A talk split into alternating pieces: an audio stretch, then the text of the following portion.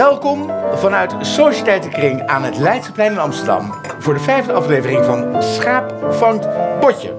Onze eerste gast vanavond is Sarah Sluimer, schrijver en columnist voor de correspondent. Goedenavond. Goedenavond. En we willen het met je hebben over een belangwekkende kwestie in het huidige tijdsgevricht. Hoe aantrekkelijk is de autoritaire man? Ja. Dat is het uitgangspunt van dit gesprek. Ja. Eh, denk aan Trump, denk aan Wilders, denk aan Erdogan. Denk aan Willem Bos. Denk Ja. aan Poetin. Zeer autoritaire man, ja. Laten we eens Trump nemen. Aantrekkelijke man? Nee. Nee, dat is ook dat is zijn probleem. ik denk dat dat... Ja, hij is geen probleem, hij is ik ga gekozen. direct kort door de bocht. Ik denk dat dat zelfs een reden is dat 5 miljoen vrouwen de straat op gingen. Omdat Trump eh, heeft niet dat erotiserende van de macht. Het is, een, het is eh, wat, wat andere staatsmannen wel kunnen hebben. Nou moet ik zeggen dat als je Wilders noemt... Die heeft dat ook niet echt. Bij Poetin kan ik me er nog iets bij voorstellen. Maar toen ik heel klein was, was ik verliefd op Poetin. Dus dat is heel... eh, ik weet niet. Dat, ik was het zelf vergeten. Mijn moeder vertelde het me laatst dat toen ik acht was... toen was die man er al. Dat hij dan ehm, op tv kwam en dat ik dan zei... Mama, ik vind dat zo'n knappe man. ja, ik vond Poetin echt woest aantrekkelijk. Ja, ik was acht, weet ik veel. Ik vond hem, eh, ik vond hem een, eh, een beetje een spannend gezicht hebben. Ik vond John Malkovich ook altijd heel knap. Die had toen... Kijk, inmiddels is Poetin... Ziet een beetje uit... Hij lijkt echt op die huiself. Hij heeft dezelfde grote bovenlip. zoals Ja, een, eh, moeilijk. Of zo'n hazenwindhond. Of, ja. en hij heeft ook het een en ander aan zijn gezicht laten doen, denk Is dat ik. zo? Ja, dat denk ik wel. Ja.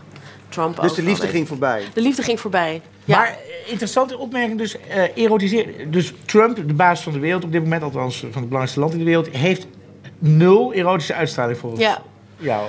vind ik wel. Dat heeft ook te maken met eh, eh, het, het, die erotische uitstraling. In hoeverre die er al was, is, is eh, denk ik echt volledig met de grond gelijk gemaakt op de dag van die inauguratie. Omdat eh, we toen toch ook allemaal konden zien hoe die, hoe die met zijn vrouw omging. Namelijk? Kil, koud. En, en kijk, eh, je kan heel veel eh, momentopnames, hè, een foto waarop iemand ongelukkig kijkt. En eh, daar, daar kan je ook het een en ander in framen. Maar er was wel zoveel. Het leek wel Aan alsof filmpjes en- zat. Zat ze. Ja. ja. Ja, beschrijf het even Ja. het moment wat je ziet. Nou, het- een aantal momenten. Het is een moment waarop hij zich omdraait naar haar iets zegt. En dat ze dan even lacht en dat hij terugkijkt en dat ze dan echt helemaal in elkaar stort. Ehm, het is het moment waarop hij uit de auto stapt en haar vergeet. En gewoon naar voren marcheert terwijl zij daar achteraan moet eh, lopen. Het is het dansen waarbij je bijna ziet dat zij een beetje achterover gaat hangen om maar niet te dicht bij hem in de buurt te zijn. En ik las vandaag een interview van een gedragsdeskundige die zei dat hij het nog wel probeerde door zijn bekken tegen haar aan te duwen. Maar dat zij gewoon achterwaarts een soort in die armen hing. En ja, en natuurlijk al die filmpjes waarin je de Obama's ziet. En bij die Obama's denk ik ook wel eens van... jongens, jullie doen het erom. Die zijn zo ongelooflijk verliefd de hele tijd. Ook in contrast met die Melania en, eh, en Donald. En dat ze ook, op een gegeven moment zie je ook zo'n foto... dat, dat eh, Michelle en eh, Barack hun hand op haar rug leggen... om haar een soort te steunen. En wat ik eigenlijk... ehm, eigenlijk het in- ik vind Melania eigenlijk in de- dit verhaal nog interessanter dan Trump. Omdat zij in eerste instantie werd gezien als een golddigger. Ze werd behoorlijk hard aangepakt, ook op social media. Wat ik ook een beetje unfair vond. Dat ik dacht van, nou, feministes die dat ook deden. Van, ja, die vrouw, weet je... eh, eh, eh, eh, waarom, waarom moet je dat op die manier doen? Het, is, het is heel rolbevestigend om iemand zo te noemen. En haar een beetje af te serveren. Maar ze is nu gepromoveerd. Ik weet niet of ze daar blij mee moet zijn. Tot eigenlijk een soort het grootste en eerste slachtoffer van Trump. en, Ook de eerste verdediging voor ons. Precies, precies. Zij, zij is, zij wordt, ik denk dat zij de komende vier jaar, als hij zo lang blijft, echt een icoon gaat worden. Eh, van, weet je, we moeten, als we Melania weten te bevrijden, zijn in principe alle vrouwen bevrijd van die vreselijke man die gewoon lijkt op de gore dronken oom op een verjaardagsfeestje en eh, de tweedehands autoverkoper. En eh, de, ja, dat is, dat is echt het, het jammeren aan hem. Hij, En waarom stemmen dan toch zoveel vrouwen op hem, denk ik u? dat Jij? is denk ik omdat ze vooral niet op Hillary wilde stemmen. Eh, dat is iets anders kwalijks waar je over kan nadenken. Waarom vrouwen niet op een vrouw willen stemmen. Daar, daar, ja, daar zit iets heel gecompliceerds achter. Los van het feit wat je van Hillary vindt. Als je liever voor, voor, voor een seksist, eh, iemand die het ouderwetse patriarchaat zo vertegenwoordigt als Trump, als je daar liever voor stemt als vrouw dan voor Hillary. Ik heb toen zelf, maar dat was ook vrij ongenuanceerd, gezegd van iedere vrouw die op Trump ste- stemt moet gewoon een keer een bezoekje aan een psycholoog brengen. Want ik, denk, ik, ik, ik vind dat echt problematisch. Het eerste wat hij deed was 600 miljoen voor Ja, abortusklinieken wereldwijd Ja. wegtrekken. Ja, ja dat is, en ik had heel lang de hoop dat ik dacht, hij is in ieder geval nog een soort New Yorker uit de jaren tachtig. Hij is bij Warhol in de, in de factory geweest. Hij, kende het Poolse grote leven. uit. Ja. Maar dat soort dingen. Maar hij had ook iets liberaals. Hè? Het was een New Yorker. En ik, ik, hij, hij ging naar een feest, had homoseksuele vrienden. Weet ik veel. Zijn grootste raadgever, Roy Cohn, eh, advocaat... eh, eh, is eetslachtoffer uiteindelijk geworden. Dat was ook een zeer rechtsrabiate man... die zelf ontkende homoseksueel te zijn. Wel vriendjes had, maar niet... daarvoor uitkwam. Weet je, maar hij zat in die wereld van glitter en glamour en, en eh, een soort vrijheid. En dat hij dan nu eh, deze route neemt, vind ik, eh, ja, ik, daar ben ik erg van, van geschrokken. Het is zo ook niet grootstedelijk. En, eh, Even dichter bij huis. ja, De erotische uitstraling van Geert Wilders. Hoe zit het daarmee? eh, en überhaupt met de beweging. Ik vind het zo weinig... ja. eh, en, en- is een- Voordat het plat wordt gemaakt, ik bedoel het ook niet. Eh, erotisch betekent zo haha, seksistisch. Ja, ja. Ik bedoel, er zit in die hele beweging van Geen Wilders erotiek. geen... Nee. swoon. Ja, het is, Het is niet cool. het is zeker niet cool, Nee. maar het is ook niet geil. Het is Nee. ook niet... Ze hebben geen, est- ze hebben Esthetiek, geen esthetiek. esthetiek. Nee. Ze maken Dus hoe- lelijke flyertjes. Maar waarom en, stemmen dan eh, zo ongelooflijk? Want dat is wel duidelijk veel vrouwen in Nederland op, op, op, op dat eh mombaksel. Ja, eh, ik denk. eh eh, Eén voordeel van Wilders is wel dat hij lang is. Dat is echt zo. Eh, hij is best een imposante man. Ik denk dat als je. Hoe lang is hij, weet je dat? eh 2 meter 30. Niet waar, nee, hou op. Kul, mensen. Nee. Knippen we eruit. het niet. Ik heb hem nog nooit ontmoet. Ehm, maar gewoon een grote man. En eh, eh, eh, ja, en verder snap ik het ook niet. Het is, het is een, ik- Ik, ik, heb voor Vrij Nederland... een- Indo?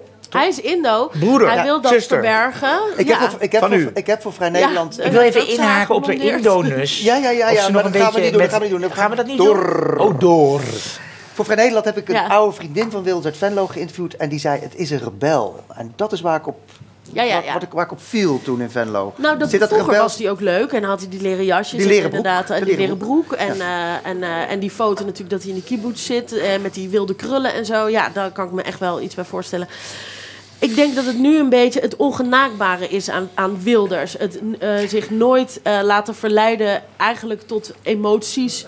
Niet heel persoonlijk zijn. Dat dat op een bepaalde manier een soort vlak van hem maakt... waar je dingen op kan projecteren. Maar waarom hebben ze, zouden ze niet, als ze nou, is het nou een gebrek aan eh, vakmanschap? Hebben, kunnen ze niet een goede regisseurs vinden? Waarom is het allemaal zo, ook zo slecht gemaakt? Ze zouden toch, als ze het iets intelligenter deden, zouden ze toch ook misschien wel een deel van de grachtengordelcoterie mee kunnen krijgen? Maar waarom zouden ze dat willen? Ze haten ons. Oh ja, dat is waar. Je, je, je schreef een, een column eh, op de correspondenten, eh, een van de afgelopen dagen, waarin je schrijft: eh, eh, Gelukkig hebben vrouwen en minderheden haarscherp gezien eh, Ja. dat er van alles nog wat mis Ja. is dreigt te gaan en gaat.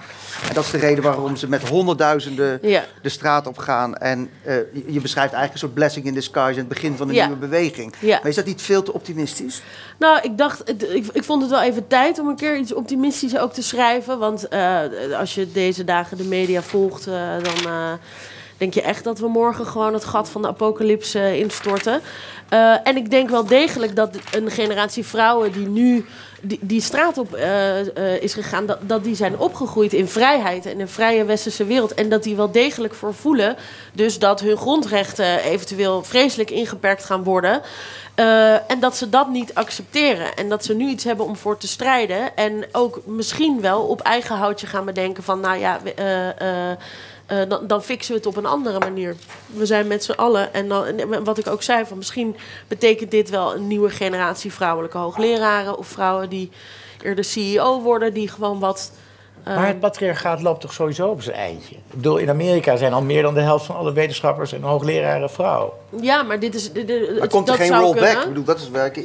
Ja. Rollback. Terug, terug, terug naar het patriarchaat. Ja, De ja, terugkeer. en niet Ik- alleen ik ben daar. eerder bang daarvoor dan dat het Ja. uiteindelijk goed komt, zal ik maar zeggen. Nee, ik ben daar ook bang voor. Maar ik denk wel dat er ook een belangrijke tegenkracht is op dit moment... die we niet moeten onderschatten.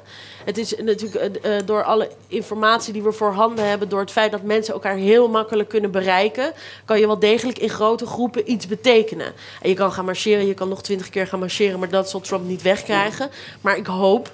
En ik, probeer da- ik probeerde dat ook een, be- een beetje aan te zetten in die column.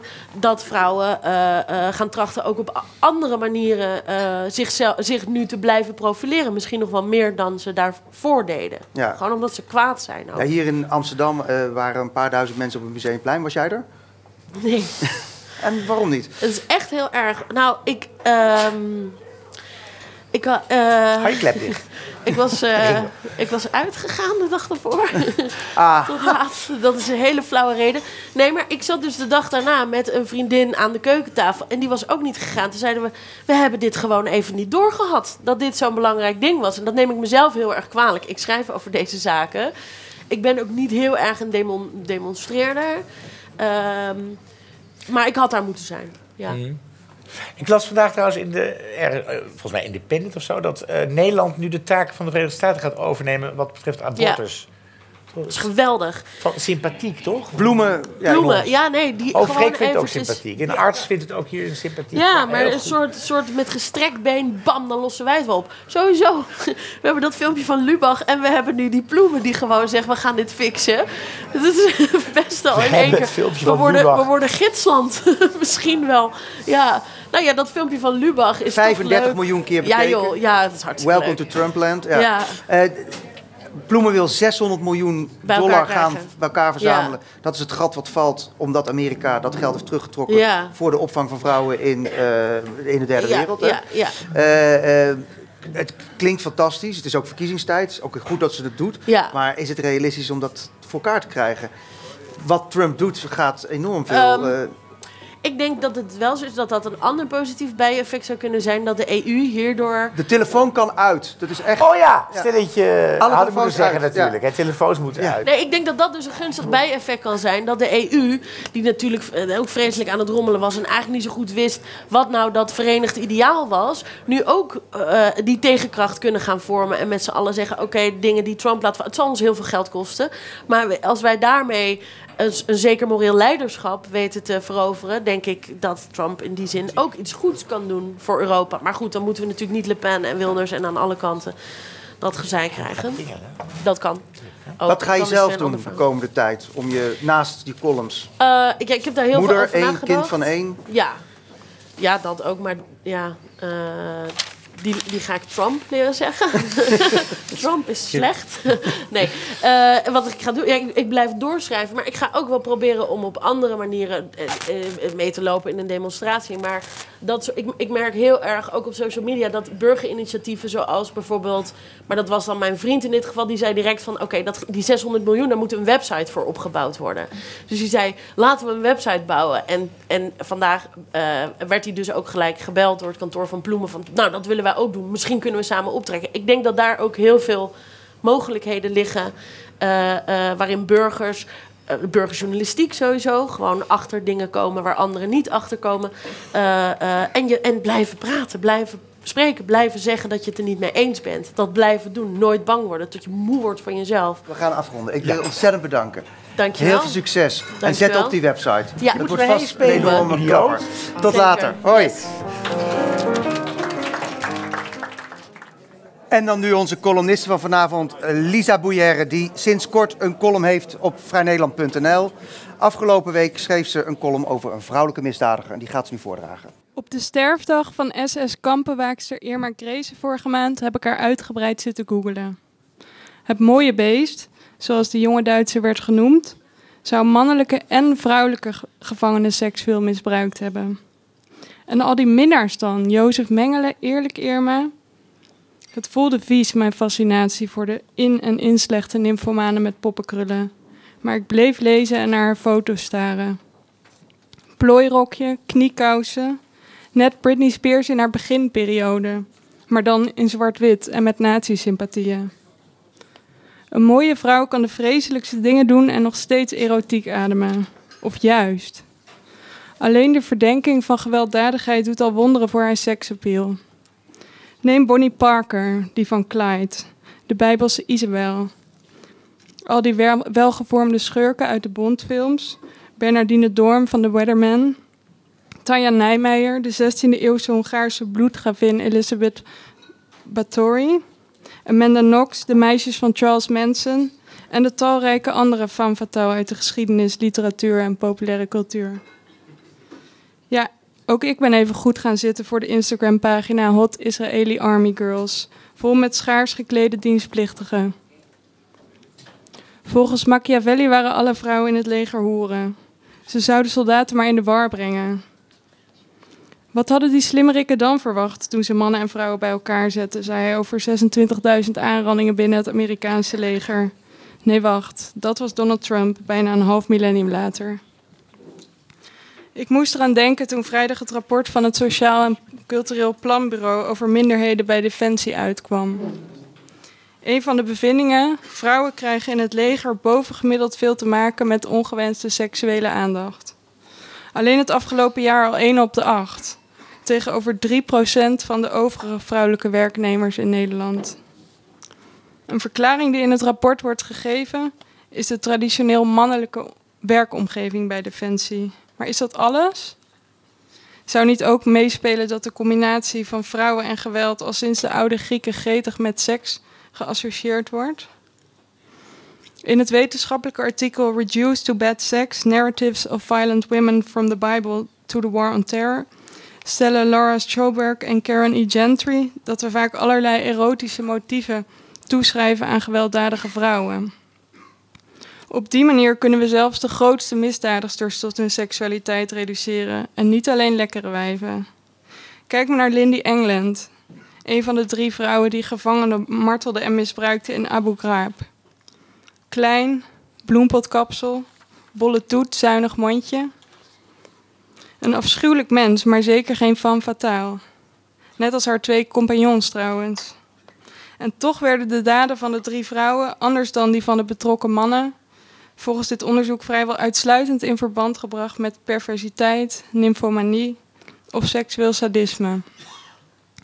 Dat vrouwen soms gewoon enorme klootzakken zijn die onafhankelijke beslissingen nemen, dat lijkt moeilijk te bevatten. Er wordt wel eens gezegd dat het feminisme voltooid is als vrouwen net zo crimineel zijn als mannen. Maar dat lijkt me voor niemand echt leuk. Misschien is het voldoende als we straks naar een bloedmooie misdadigster kunnen kijken en dat we dan alleen maar denken: what a dick. Ja, Irma, dat geldt ook voor jou. Vooral voor jou.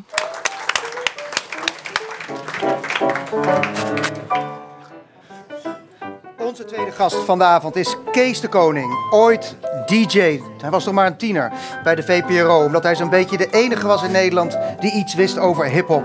Nu is hij de man achter Ronnie Flex, Little Klein en tal van andere grote acts. Opgezwollen, de jeugd van tegenwoordig, The Opposites, Campy Typhoon. En je hebt deze zomer, daarmee kwam je ook in het nieuws, de Zaanse eh, vlogger eh, Ismail Ilgun onder je hoede genomen. Daar gaan we het zo Klopt, meteen over hebben. ja. Eh, en dan heb je ook nog onlangs een box met oude Jordaanse artiesten uitgebracht. Ja. De parels van de Jordaan. Letterlijk? Nee, ik bedoel de Niet muziek een box, van. maar een, een collectie van collectie liedjes. CD's, ja. En, en ook online beschikbaar zelfs. Ja, Precies. ook cd's, maar inderdaad. Kees de Koning van Top Notch, welkom. Dankjewel. Ja, en we gaan het hebben over eh, muziek, maar ook vooral over politieke polarisatie. Maar eerst wil ik weten, meneer de Koning. eh, u zat ook in Amsterdam op school, toch? Ja, u bent. Amsterdammerd. Eh, ik ben geboren in Amsterdam. Ja. Ik ben eh, een groot deel van mijn leven opgegroeid in Landsmeer. Wat nu inmiddels wel Amsterdam is. Wat vroeger een ander ken- kengetal had, maar nu wel 020 is. Maar mijn vraag was eigenlijk eh, op school. wat voor een soort bengel was u? Ehm, dat hangt wel van de school af. Montessori Lyceum zat u dat was, bijvoorbeeld ja, op? ik was eerst zat ik in Amsterdam-Noord op school, op de scholengemeenschap Noord. En daar was ik niet per se een bengel. En uh, Montessori Lyceum heeft daarin wel heel erg geholpen. Daar ben ik later gekomen. En daar heb ik wel eh, me kunnen ontwikkelen tot bengel. Ik bedoel eigenlijk mijn vraag herformulerend. Was u eigenlijk ook cool op school? Gaan we trouwens u zeggen de hele tijd? Oh, sorry. Dat Ja, dat Ja, dat doe ik zelf. oké. Dat ik sorry. Nee, sorry. ja. Ja, eh, wat zeg je? Cool? Oh, nee, nee, nee, ik was niet cool op school. was, Nee, nee, nee, absoluut niet. Verder van. Nee. Oké. Nee, laatst gekozen bij Gym. Laatst gekozen bij Ja. Eh blowen, Eh Montessori eh, ja, blowen ook. Skateboard, nee. graffiti. Nee. En hoe kom je ook alweer in contact met hip-hop? Eh, het was ook op het Montessori Lyceum. was een jongen die zat bij mij in de klas, die heette Dylan Hermelijn. Die, heeft la- die is later wel bekend geworden met eh, meer eh, house dingen. En eh, die, liet mij, eh, die liet me dat horen en eh, dat vond ik heel interessant. Want counter tegencultuur. Wat, wat, ik weet niet, ik wat- vond het gewoon interessant. Hij vertelde erover, hij had cassettebandjes eh, van radioprogramma's uit eh, New York. En hij vertelde er zo beeldend over. En het klonk zo spannend dat, eh, ja, dat ik meteen geïnteresseerd was. Maar het was ook een niche meteen dan, want niemand kende het nog. Dus het was in ieder geval spannend, uniek. ja. ja. Nou, de, ja, het was, maar ik, daarvoor had ik een obsessie met Russische literatuur en dat switchte dus naar hip-hop. Kan gewoon, ja. Ja, Taal. Taal is zeg maar uw ding. ja, weet Toch? ik niet. Ja, nee, ik Ja, weet niet, maar ik je vond het gewoon heel, het was gewoon heel spannend. Het was heel spannend en, en, en, eh, en ja, als, volgens mij als je 15 bent, is het vooral heel belangrijk dat dingen eh, spannend en nieuw zijn en eh, dat, dat je het gevoel hebt dat niemand anders erover weet behalve jij en, en misschien iemand die naast je zit in de klas. Hoe oud was je toen je DJ werd bij de VPRO Radio? Toen was ik 16. Ik heb inderdaad Best- tussen, ja, best rap was dat. Waarom eigenlijk? Omdat je- Nou, niet DJ, niet in de zin dat ik een eigen programma had. Hè. Ik, eh, eh, ik begon toen bij Hans Dulfer, deed het programma, eh, dat heette In the Midnight Hour.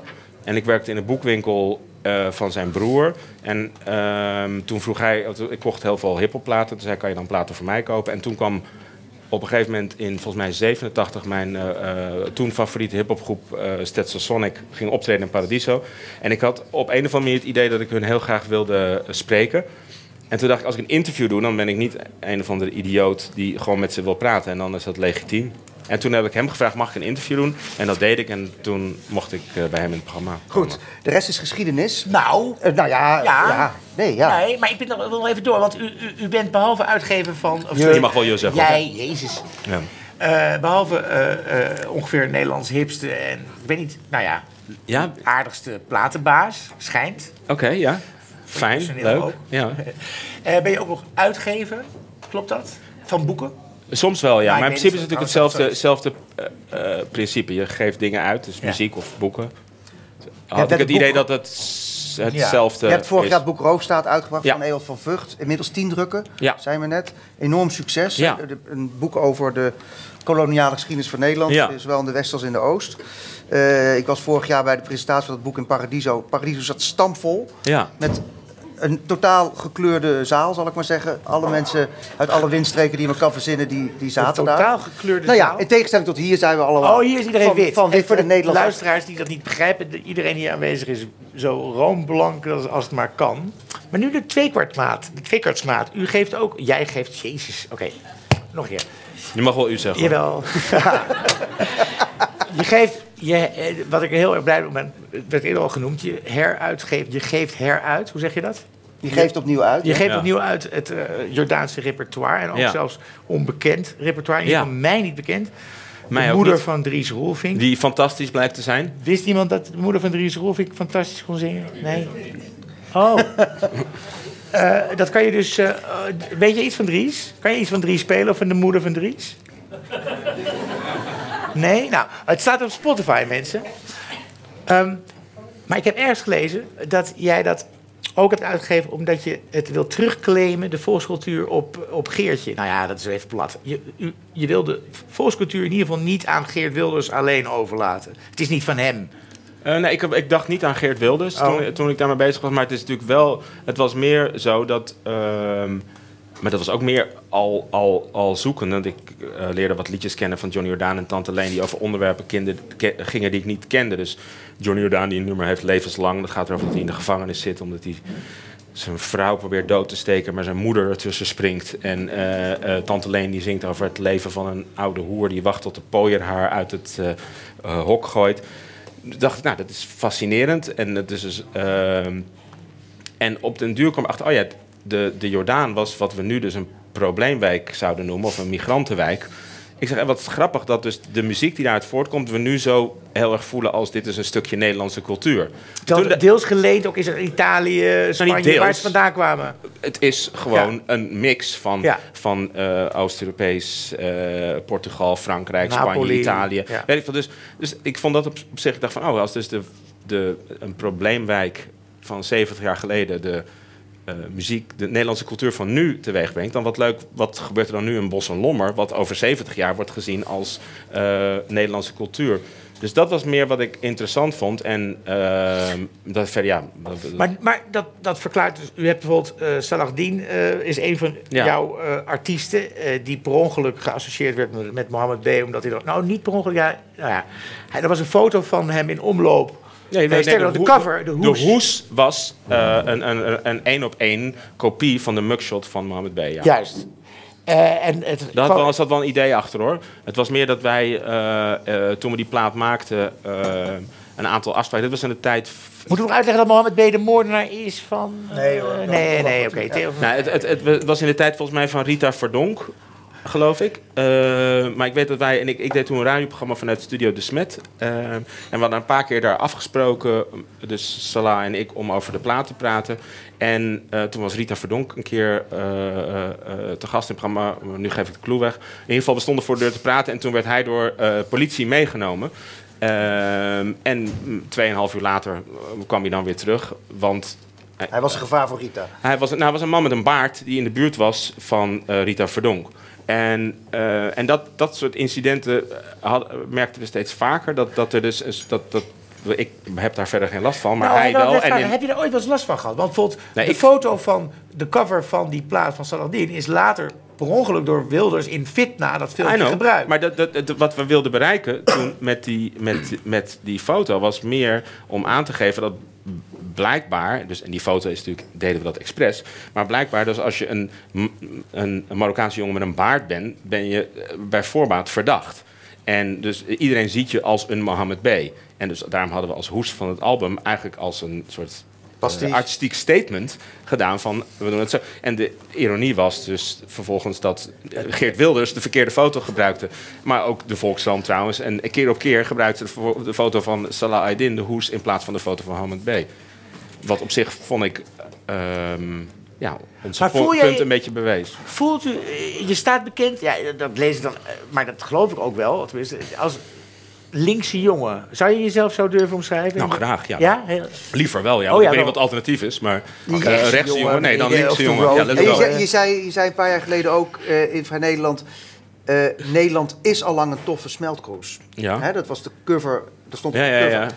Ja. Eh, ja, dat is al een paar honderd jaar zo, ja. het- ja, dat is een tijdje geleden. Ja. Het- Sta je nog steeds op dat standpunt? Of is die smeltkroes nu al echt heel erg onder druk gekomen? En... Ik weet het niet. Ja, Ik, ik ver- verbaas me steeds over hoe. eh, dus de wereld die ik dan lees in, in, in, in, in allerlei krantenkoppen. Of de, en, en de wereld die, eh, eh, waar ik in leef. Dus ik, ik, ik zie die, die hele. Het matcht niet. Nee, het klopt voor mij niet. Hoe- Leg eens uit. Nou ja, er, er is een soort eh, eh, angstige wereld waarin we eh, inderdaad het verschrikkelijk beroerd hebben en we op onze hoede de mo- kranten. Nee, we moeten ontzettend op onze hoede zijn over deze mensen die met boten van een oorlogsgebied hierheen komen, want dat, dat is gewoon dat kan dat is slecht nieuws. En ik denk, nou, eh, ehm, laat ze komen. Volgens mij komen er al sinds mensenheugenis mensen hierheen. Dan gaan mensen naar een andere plek. En eh, ik heb niet het idee. Iemand stelde laatst geloof ik dat na de Eerste Wereldoorlog er een miljoen Belgen in Zeker, Amsterdam Noord neerstreken. Ik weet niet hoe de Op 6 Belg- miljoen Nederlanders. ja, hoe de maar 6 Belgische cultuur nu in Amsterdam-Noord... of dat een hele dominante cultuur is. Maar ik heb niet het idee dat dat enorme eh, effecten heeft gehad. Althans, in ieder geval geen negatieve effecten. Parels van de Jordaan. De Jordaan. De, nee, maar, Oh, oh, oh, maar er zijn zoveel voorbeelden. eh, volgens mij dat... Volgens mij is het al... Sinds Nederland bestaat komen hier steeds mensen heen. En nu komen ze wat verder. En ik ben eh, bang dat omdat ze nu een andere kleur... of misschien een andere religie hebben... dat, dat inderdaad wat, wat eh, hysterischer reageren. ik weet het Ja, maar niet. goed, dat is een feit wat je zegt. We hebben nu net die brief van Rutte. Hè, de- van de Ja, ik heb hem nog steeds niet Oh, je hebt gehad. hem nog steeds niet gehad. Nee. En je hebt het nog steeds niet gelezen. Maar in die brief... Hij is hè, ook aan jou gericht, hoor. ja, hij was ook aan jou gericht. Ja. Ja. Ik geloof Rutte voor geen meter, dus ik ga ook niet zijn brief Doe normaal lezen. of ga weg. Ja, dat vind ik ook. Hij moet oprotten. Ja. Als hij niet normaal doet, moet hij weg. Ja. Maar is dit, zet hij daar... Ja, maar wie is hij? Wie heeft hem de baas gemaakt? In zover om mensen weg te gaan sturen. Ik bedoel, als hij niet tevreden is, dan moet hij gaan. Ik weet het niet. Ik snap zijn hele, zijn hele Kees, punt niet. Kees eh, de Koning, is het denkbaar eh, dat we, eh, stel nou over vijf jaar, acht, zes jaar, zeven jaar, als, als Geert wel een keer premier gaat worden, Ja.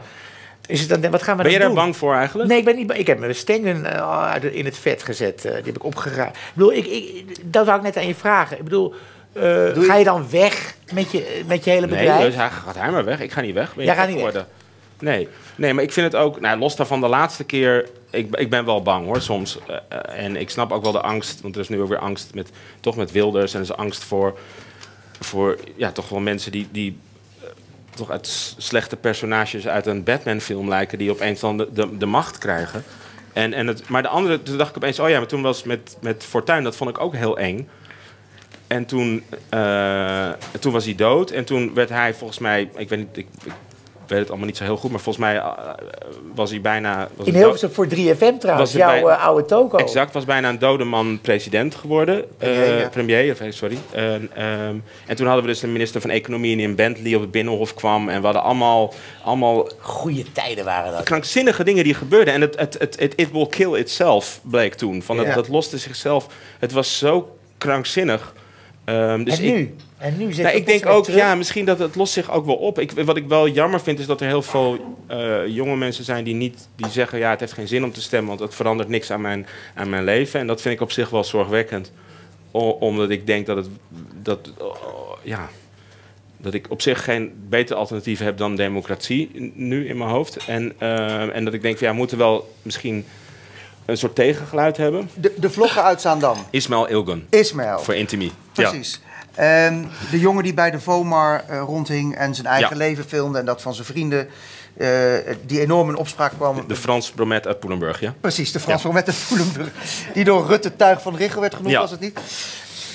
Jij hebt hem eh, onder je vleugels genomen? Of, Iets, ja. hoe is dat gegaan? Uh, Wa- het wanneer hele dacht jij van, ik moet Hoeveel met die tijd hebben we? Eh, nou ja, Nee, waarom? vijf. Je bedoelt eigenlijk, nee, maar je bedoelt eigenlijk, waarom heb je die jongen...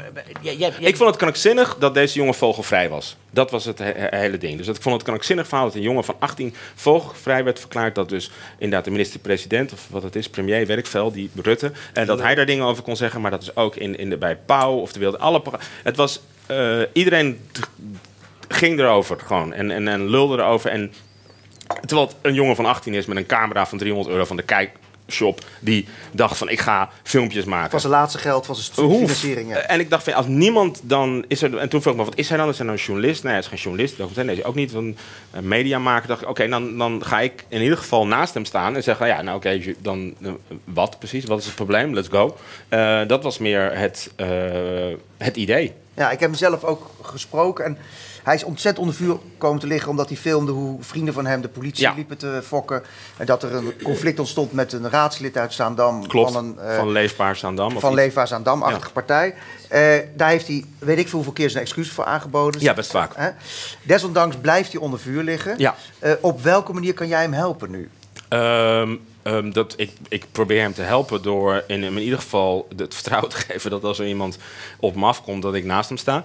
Eh, ik heb een nieuwe camera voor hem gekocht, want die heeft de politie afgepakt voor onderzoek. En dat schijnt een jaar te duren.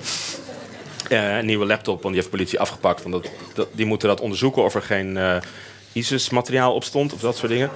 Dus dat is wat ik nu doe. En, en hij komt één keer in de week langs op kantoor. Zijn we eruit? Ja, was dit het? We zijn helemaal... Nou, ik vond het eigenlijk best... Kijk, hoe ging het? Het was een beetje zus... Het was wel moeizaam in het begin met het tutoyeren, maar uiteindelijk vonden we wel een vorm. Ja. Het was toch een leuk gesprek. Dames en heren, Kees. Koning. Onze laatste gast van vanavond is Hubert Smeets. Oud-correspondent van NRC Handelsblad in Moskou. Oprichter van de website Raam op Rusland. En vaak bij Nieuwsuur als commentator. Hubert, van harte welkom. En met jou ga... Ja, applaus. zeker. Dat bedoel ik. Met jou gaan we het hebben over die andere aantrekkelijke autoritaire man, Vladimir Poetin. We hoorden net in het eerste gesprek eh, dat hij dan misschien wel wat had. Hè? Eh, Sarah die was zelfs een beetje verliefd op hem toen hij acht was. Ja, dat begrijp ik, want hij is 1,65 meter. Zijn er veel Russinnen die hem eh, als een popster zien? Ja, natuurlijk. Ja? Dat is hij ook. Ik vond het overigens een totale kletskoek hoor. Over Wat? erotisering van de macht en weet ik veel wat. Kijk, het is heel simpel. Er is een groot deel van de bevolking is gevoelig voor autoritaire macht. En daar heeft de oude Duitse socioloog eh, en muzikoloog Adorno ooit de F-schaal voor ontwikkeld. F staat voor fascisme. En, ehm, en eh, die F-schaal die is in Rusland bij uitstek ook van toepassing. Ja. En eh, als je lange tijd bestuurd bent door eh, demente bejaarden, ehm, intellectuelen met een zachte G, demente bejaarden Brezhnev, intellectueel met een zachte G Gorbachev, want die sprak met een zachte G. Die kon mijn voornaam uitspreken, Hubert, dat kunnen Russen niet. Ik heet Goebert. Ehm, en eh, een dronkenlap, Yeltsin. Dan is het, ligt het voor de hand dat een energieke jonge man Ehm, dat, je daar, eh, dat je daar opgewonden van raakt. En dat heeft niks te maken met je, je seksen. Dat heeft te maken met het gevoel dat je geleid wil worden door een man of vrouw die ertoe doet. Klopt. En die er geen klerenzooi van maakt. Wanneer, wanneer ben je voor het eerst in Ik weet Rusland? Adolf Hitler. Ik ben even aan Adolf, Adolf Hitler. Nee, je gaat niet naar Adolf Hitler. Nee, maar luister, Adolf Hitler was niet een erotische... Hij had geen erotische uitstraling. En toch had hij dat wel voor vrouwen. Nee, maar, sorry. Je wil de erotiek niet Nee, eh, ik, wil, ik, wil, aanpakken, hè? ik wil best over, eh, over erotiek spreken. kom op dan. ik, ik weet er geen bal van. Oh. Maar wat ik wel weet... Echt niet, Hubert? Nee, nee, nee. Maar wat ik wel weet is dat de hele discussie daarover, ehm, om het modern te zeggen, geframed wordt, hè, geframed door het Hollywood-principe. Wat is een mooie vrouw? Wat is een mooie man? Nee, kijk, als het gaat om maatschappelijke verhoudingen, dan doen die, dan, dan, laat ik zo zeggen, dan doet Isabel, eh eh, Catherine Deneuve er niet toe. Nee, dan is, ehm, dan is het kleine kaboutertje Sarkozy een erotische man. Ja. Ja, En dat geldt dus ook voor. maar mijn eh, vraag was dus eigenlijk... Maar, dat geldt dus ook voor, dat geldt dus ook voor Poetin. Want de leg eens uit. Nee, leg eens uit. Probeer Poetin eens even te schetsen vanuit de doe eens de vrouwenbril. Wat zie je dan als Russische vrouw? Als Russische vrouw, als Russische vrouw zie je ehm, een man die ehm, grof taalgebruik hanteert. Nou, hij maakt soms fouten, hè, Poetin. Dus ik zeg niet dat hij altijd ehm, koersvast is. Maar dan zie je een man die eh, zijn grove taalgebruik reserveert voor mannen. Voor andere mannen. Tsjetsjensche terroristen, die stamt hij door de play. Ehm, eh, de duikboot, de onderzeeboot, de Koersk, die is verzopen. Ja, jammer voor die eh, 28 officieren die daar ook verdronken zijn toen in de, in, bij Moermansk in de buurt. Als het om vrouwen gaat, ehm, weten we weinig van. Hij was getrouwd met een, ehm, een stewardess van Aeroflot. Niet moeders mooiste, vind ik zelf. Maar goed, Dat is seksistische, seksistische Zeker, opmerking. absoluut. absoluut. Ze is ook van hem gescheiden. Ehm, eh, overigens denk ik dat het haar initiatief geweest is. Ehm, en, eh, eh, en dan zie je dus een man die ehm, eh, voor de rest eigenlijk een vrij aseksueel imago heeft. En datzelfde geldt voor de man uit eh Braunau am Inn, die je net noemde. Ehm, Met de bloksnor. ja, ja die, had ook een, die had ook een vrij aseksueel imago. En dat is denk ik juist erotiserend. En daarom waag ik te betwijfelen of Trump er in deze context van erotisering van de macht er ter doet. En daarom vond ik het kletskoek. Goed. Waarvan akte? Wanneer ben jij zelf voor de allereerste keer in Rusland geweest? In 1986, toen was Gorbachev net één jaar president, een man met een zachte G. Eh, en eh, zijn tweede man, Ligatchov, organiseerde toen een campagne tegen alcoholmisbruik. En tegen eh, überhaupt alcohol. Hij was van plan om een drooglegging te organiseren in Rusland. En dat is eigenlijk het begin geweest van de maffia die nu Rusland regeert. Het is allemaal begonnen in 1986. Je ging als journalist daarheen. Ja, ja met de Atlantische Commissie. Ik, hij twijfelde. Was dat, je twijfelde iets lang. Was je ook een spion? Nee, nee, nee. Ik, ik ben nooit communist geweest. Dat wil ik maar even zeggen. Oh. Ik ben nooit lid geweest van de CPN. Eh, maar altijd eh, gedegen anticommunist van de linkse resort. Dus het is Fellow eigenlijk... wel- traveler. Nee, Nee, juist niet. Ja, oh nee, dat waren, Nee, dat waren weer nepcommunisten. Ja, sorry, Nee, jongens. Zo lang geleden. Voor mij, in mij ik, ben, ik, ben, ik ben wat ouder, ik ben 60. Voor Ja. mij is de interventie in Tsjechoslowakije in 1968 een keerpunt in mijn eh jonge leven geweest. Wanneer ben jij verliefd geraakt op Rusland? Want je bent Ben ik niet. Ben je niet? Nee? Nee. Hè? Hè? Je praat over niks anders, je denkt over niks anders. Je, Jawel. je bent expert op het onderwerp. Literatuur. Literatuur? Dostoevsky. Misdaad Nee, nee, nee, nee, nee, Mis- Dostoevsky Hij is niet verliefd. Dostoevsky- is in principe, ik bedoel, als je naar huidige maatstaven naar literatuur zou kijken, is het toch wel een oude hoer hoor, eerlijk gezegd. Ehm, Eh, maar, Maar, maar dus niet verliefd, wat dan nee, wel? nee, Fascinatie. het, grootste, het grootste compliment dat ik ooit gekregen heb was eh, uit de mond van eh, Tanja Kalugina. Die werkte bij het Russisch Museum in Petersburg. Dat vond ik wel een leuke vrouw overigens. Ehm, en die zei ooit, ja, je bent eigenlijk de enige westerling die ik ooit mo- ontmoet heb... die gewoon normaal het land binnenkomt en normaal het land weggaat. Aha, dat is een verdienste. wil je Vind ik wel, ja. Vond ik, was vond ik een compliment. Maar ehm, eh, ik ben niet verliefd op het land, helemaal niet. Ik, ik, eerlijk gezegd vind ik de mensen in het westen van Europa... Ik, je moet een onderscheid maken... Tussen ons? Oost- ja, zeker, hier in de kring. Ehm, eh, die verliefd zijn op, op Rusland, die verdenk ik. Die verdenk ik van eh, gebrek aan zelfvertrouwen. Die verdenk ik van eh, een behoefte aan geweld. Eh, die verdenk ik van het verlangen naar... ehm, Sorry, de mensen... groots en met, meeslepend leven, dat noemen ze jou dus zeg maar een soort van cryptofascisme. De huidige mensen die, of de Ja. huidige generatie die pro-Rusland zijn. Ja. In Nederland. Ja. Hoeveel zijn dat er, denkt u? Jij. Eh, nou, dat zullen we zien op 15 maart bij de verkiezingen. Want? Ehm, nou, ik denk dat. eh, ik denk dat ehm, laat ik zo zeggen. Kijk, de, de, de, de, het Kremlin. eh, dus ik, we moeten natuurlijk een onderscheid blijven maken tussen Rusland, de Russen en de macht. Dat doen de Russen zelf ook. Hè. Russen hebben het altijd, eh, eh, alle Russen hebben het altijd over de macht als ze over de heren boven spreken. En de macht, dat zijn zij dus niet. Hè? Dat is een belangrijk, een belangrijk verschil met Nederland. Kijk, wij denken nog, hier, dat werd ook net even gesproken, dat wij de premier kunnen wegsturen uit Nederland. En Rus is gewoon rationeel en, en nuchter.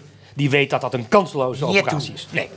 Dus de Russen maken een onderscheid tussen henzelf, burgers, of zij die burger willen worden, want dat ben je zomaar niet, niet zomaar, en de macht.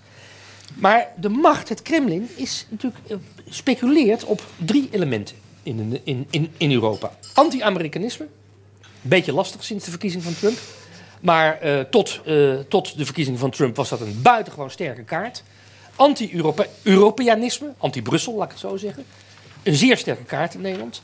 En, ehm, Anti-intellectualisme ook? en anti-islam. Ja, oké. Want het Kremlin is nu eigenlijk, je zou kunnen zeggen, de leider van de conservatief-christelijke wereld. Die korte wil, metten wil maken met het Eur-Arabia. En, eh, en ook daarin voorgaat. Zie Syrië, zie eh, de Caucasus, et cetera, et cetera. En ik denk dat er een aantal eh, partijen zijn in Nederland die die kaart ook spelen. De partij van Thierry Baudet. Eh, bijvoorbeeld. Thierry, Thierry Baudet heeft objectief, ik gebruik nu even een Leninistisch woord. Eh, Thierry Baudet heeft met zijn eh, referendum over de associatieverdrag met Oekraïne objectief de kaart van het Kremlin gespeeld. Ik zeg niet dat hij dat ook subjectief gedaan heeft, maar ze waren daar niet ontevreden met hem. Thierry Baudet heeft een brief geschreven aan president Trump, waarin hij gezegd heeft dat de, het onderzoek naar de MH17-ramp niet deugt. En waarin hij Trump heeft opgeroepen, samen met een aantal anderen heeft hij dat gedaan, opgeroepen om eh, het Nederlandse onderzoek naar de ramp met de MH17 terzijde te schuiven en over te laten nemen door de Verenigde Naties. Maar even los van... En dat is in Rusland groot nieuws. Oké, maar los van Baudet, want dat vind ik een quantité negligible. Ik Om niet. maar even op zijn Frans te zeggen. Hij niet. nou, ik Ja, wel. oké. Mag ik toch Door. Hij heeft, hij, hij heeft het eh, Oekraïne-referendum gewonnen. Ja, oké. Ja, kunnen we hier in Amsterdam wel doen alsof het er niet toe doet. Maar, maar, maar wanneer werd je Is voor hij hier de, toevallig? Oh, daar zit hij. Dag Thierry. wanneer werd je voor de eerste keer bang van het Russische systeem? In 2014. En, wat, en waarom was dat? Ehm, nou, de annexatie van de Krim, daar kon ik nog. Daar kon ik nog iets van begrijpen. Maar de interventie in de Donbass, in het oosten van Oekraïne, dat vond ik een. eh, vond ik een en die is eigenlijk ook toegegeven door president Poetin. Dat er een interventie geweest is met vrijwillige Russische De groene mannetjes, ja. Ja, met vrijwillige Russische soldaten. Eh, die gaf aan dat ehm, de Russische wereld, zoals het heet, dus de wereld waar Russisch gesproken wordt, waar orthodox-christelijk geloofd wordt, waar eh, de, grote, eh, de grote ervaringen, de grote gebeurtenissen uit de Russische geschiedenis, de overwinning op Napoleon, de overwinning op Hitler, ook beleefd worden als eigen geschiedenis. Die Russische wereld, met andere woorden, is veel groter dan Rusland zelf. Dat die Russische wereld met geweld zou moeten worden kunnen heroverd. ja. En toen dacht ik, Rusland is een revanchistische mogendheid aan het worden onder leiding van deze president. ja. Durf je het al, eh, trouwens, want het woord cryptofascisme viel net, maar eh, durf jij het al een cryptofascistische staat te noemen? Nee, om, om een paar simpele redenen zou ik dat niet willen. Het is geen totalitaire dictatuur. Er is ontzettend veel culturele vrijheid in Rusland, dat is één. Twee, eh, er zijn natuurlijk tal van elementen, die, eh, eh, eh, die, eh, criteria die voor het fascisme van, eh, eh, moeten gelden voordat je iets fascistisch kan noemen. Maar laat ik een andere... Modern fascistisch, hè? Ja, modern fascistisch, ja god, oké. dan, komen we, laten we- laten dan, komen we, dan komen we in een serieuze theoretische vraag, die laat ik even terzijde. Maar een van de belangrijkste dingen van het fascisme is natuurlijk toch de, eh, de ideologie en de, en, de, en de ophemeling van de jeugd. Nou, als een 2, 63-jarige president de jeugd vertegenwoordigt, Ja. dan kan je niet spreken van een fascistisch land. Ben jij zelf persoonlijk achterna gezeten door pro-Russische, pro-Kremlin Trollen. types op het internet, trollen? Nou ja, ja, op, ja op, op, op, op, op Twitter en eh, Facebook zijn er een aantal mensen. Jelena Plotnikova, eh, de vrijdenker David, Hector Reban, eh, Blik op het NOS-journaal. eh, en nog wat van dat soort lieden die eh, eh, PM van den Berg, een GroenLinks-raadslid uit Wageningen. Dat is geen troll hoor trouwens. Maar die zijn dat bestaat betaalde echt. communisten? Nee, nee, nee, die bestaat echt. Ehm, maar die, die, die, die continu proberen om het Russische, het Russische standpunt, de Russische visie op de geschiedenis, want daar gaat het in Rusland om. Hè? Ja. De geschiedenis in Rusland is hedendaagse realiteit. Als je, eh, als je wil discussiëren in Rusland over de Tweede Wereldoorlog, over de Eerste Wereldoorlog, over de Russische Revolutie, dan praat je niet over het verleden, dan praat je over het heden. Ehm, en die mij daar altijd op aanvallen en zeggen dat, dat, dat ik eh, dit en dit vergeet. En dat ik over, over het hoofd zie dat de Oekraïne eh, heel veel fascisten eh, herbergde, et cetera, et cetera. Wat allemaal waar is. Maar voel je je bedreigd hier in Nederland? Nee, de fysiek? Nou, Nee, dat geeft en als je naar Rusland toe gaat? Nee, ook niet. Want ik, ik, zoals dat Tatjana Kalugina uit Petersburg zei, jij komt hier normaal binnen en je gaat hier normaal weg. Nee, ik heb daar totaal geen probleem. Meneer Hubert, eh, eh, hoe zit het nou met die, eh, dat die klikfarms? Laatst in de NRC, maar er stonden al eerder stukken over dat er in, in, in, in Moskou een gebouw zou zitten waar allemaal Nederlands spreken, Petersburg, waar Nederlands sprekende Russen zitten, Nou, die dan commentaar leveren op de Volkskrant site. Hoe werkt nee, dat? Er is, er is een soort van trollenfabriek Petersburg. trollenfabriek? Ja, een trollenfabriek in Petersburg waar men bezig is om de hele, het hele in- internet af te struinen. En daar continu commentaar te geven. Ik, ik weet niet of die ook allemaal Nederlands spreken. Nou, daar schijnt ook Nederlands te worden getikt. eh, dat, kan, dat kan uiteraard. Eh, ik heb ook wel eens het gevoel dat sommige trollen die mij eh, dan kritiseren... ehm, dat die ook een soort van Google Nederlands spreken. Dus, Ja. en een van de dingen waar je altijd her- aan herkent dat ze niet echt native speakers zijn in het Nederlands, is het ontbreken van het lidwoord. Want het Russisch kent geen lidwoord. Ehm, maar ehm, ehm, ik, ik weet niet. eh, kijk, Nederland is natuurlijk wel een belangrijk land. Laten we gewoon even toch wel ter, ter zake komen. Nederland is de derde handelspartner van Rusland. Na China en Duitsland. En als de olieprijs hoog is, is Nederland de tweede handelspartner van Rusland. Want dan worden de Mercedes'en en de, en de BMW's relatief wat goedkoper ten opzichte van een eh, eh, kubieke meter gas, aardgas. Ehm, dus Nederland is een belangrijk land. In de buitenlandse doctrine van het Kremlin, ondertekend door eh, president Poetin uiteraard, wordt Nederland ook expliciet genoemd als een belangrijk, belangrijk land in de Europese Unie. Dat geldt niet voor Spanje, om maar eens wat te noemen. En al helemaal niet voor Malta. Dus eh, met andere woorden, ehm, Nederland is, is, is geen klein land. Gaan ze, Anders dan Arjan Lubach, zeg maar, zo geestig heeft gepresenteerd. gaan ze dokteren in die verkiezingen, de komende verkiezingen? Mijn, mijn vermoeden is dat het niet hoeft. Ehm, er is zoveel anti-Europees sentiment in Nederland. Eh, niet alleen in Nederland, maar ook in Nederland. Er is zoveel anti-islamitisch sentiment in Nederland. Dat die bal eigenlijk permanent de kant oprolt van het Kremlin. En ehm, dat is één. En twee, eh, laten we eerlijk zijn, een paar jaar geleden eh, was de Russische leiding in Moskou nog geïnteresseerd in kleine, kleine miserige partijtjes. Ze gaan nu voor de hoofdprijs. En de hoofdprijs zit in Washington en die heet Trump. En de hoofdprijs was eh, een half jaar geleden de- Brexit in, in, in, eh, in het Verenigd Koninkrijk. Vergis je niet. Dat was een grote overwinning, ook voor de buitenlandse politiek, de buitenpolitieke strategie eh, van het Kremlin. Eh, maar Nederland is zeg maar een tussengevalletje.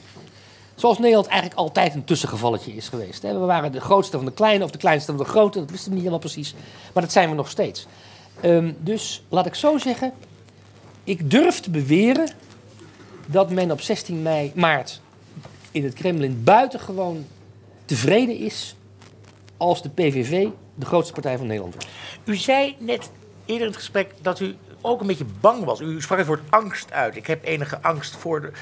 Is dat serieus? Ik bedoel, en, hoe wel, en wat vreest u nou precies? Wat, eh, angst voor wat? Nou, eh, de eh, invloed van Rusland en, eh, op ons. Oh, En nou, de, wat eh, ik bedoel te zeggen is... ehm, eh, er zijn twee redeneringen. De, de ene redenering is... Rusland heeft nog nooit zelf een oorlog ontketend. Twee, je kan ook stellen... en dat is echt, daar is echt aanleiding voor om dat, om dat, eh, om dat ook eh, te durven... dat de ondergang van de Sovjet-Unie in Rusland wordt opgevat... als een ondergang van het Russische Rijk. Dus dat Rusland eigenlijk het enige imperialistische land is ter wereld dat nog bestaat en daar trots op is. Anders dan Frankrijk, wat ze eh, dat eh, met grote moeite en met veel eh, weerzin die imperiale geschiedenis, die koloniale geschiedenis achter zich heeft gelaten. Anders dan Engeland, dat het heeft afgekocht. Anders dan Nederland, dat die imperiale geschiedenis gewoon glashard ontkent. Siro Ehm, staat, ja, Ewald van Vught, waar we het net over hadden. Ehm, dat, eh, maar in Rusland wordt die imperiale geschiedenis niet ontkend. Die wordt als een hoogtepunt bes- eh, ervaren. En als een hoogtepunt ook weer bejubeld in de geschiedenis. En mijn stelling is dus dat je ook wel reden hebt om enige angst te hebben voor Rusland. Omdat zolang Rusland niet in staat en bereid is om om te gaan met die verloren, die vergane imperiale geschiedenis, die vergane eh, en achter zich gelaten koloniale geschiedenis, dat zolang Rusland daar niet toe bereid is om dat te verwerken, om het op zijn Duits te zeggen, althans op zijn Nederlands-Duits te zeggen, eh, te überwältigen, ehm, dat Rusland, zolang dat niet gebeurd is, eh, niet in het reinen is gekomen met zijn eigen verleden en dus in staat moet worden geacht om die frustratie, want het is een frustratie, ook in het buitenland bot te vieren. En dat kan tot angst leiden, niet in Nederland, maar wel in de Baltische landen, wel in Moldavië, wel in Oekraïne en misschien zelfs in Polen. Laatste vraag. Ach, bemoei je er niet mee. Nee, ik wou, nog even, ik wou nog even een Duits woord erin gooien. Schrijptiesmurder. Want dat, dat, dat zijn ze eigenlijk, toch? Met, ik bedoel, met al die commentaar. De, de Russen. Oh, nee, nee, sorry. Jawel. Nee, nee, nee. Ho, ho, En dan gaan we weer een hele Ja, nieuwe ja. discussie Ja, beginnen. een totale, een totale nieuwe discussie grapje. haal je nu... Nee, gaan we niet doen. Oh, we moeten Nee, afronden, Stoppen. Nee, sorry. Het zijn geen lafaards. Nee. Schrijptiesmurders zijn lafaards. Dat zijn Russen niet. Russen zijn geen Hartelijk dank. Hubert Smeets. Hartelijk dank, Hubert Smeets. Dankjewel, Hubert. Dit was het einde van Schaap van het Botje. Hartelijk dank aan onze gasten Hubert Smeets, Kees de Koning en Sarah Sluimer. Columnist van dienst Lisa Bouilleur. Regie Elle van Dalen. Techniek Dick van der Fluit. En Mark Francesca Rendero. En natuurlijk de mensen allemaal hier op de kring. Dank u wel. Graag tot de volgende keer. Doorschrijven.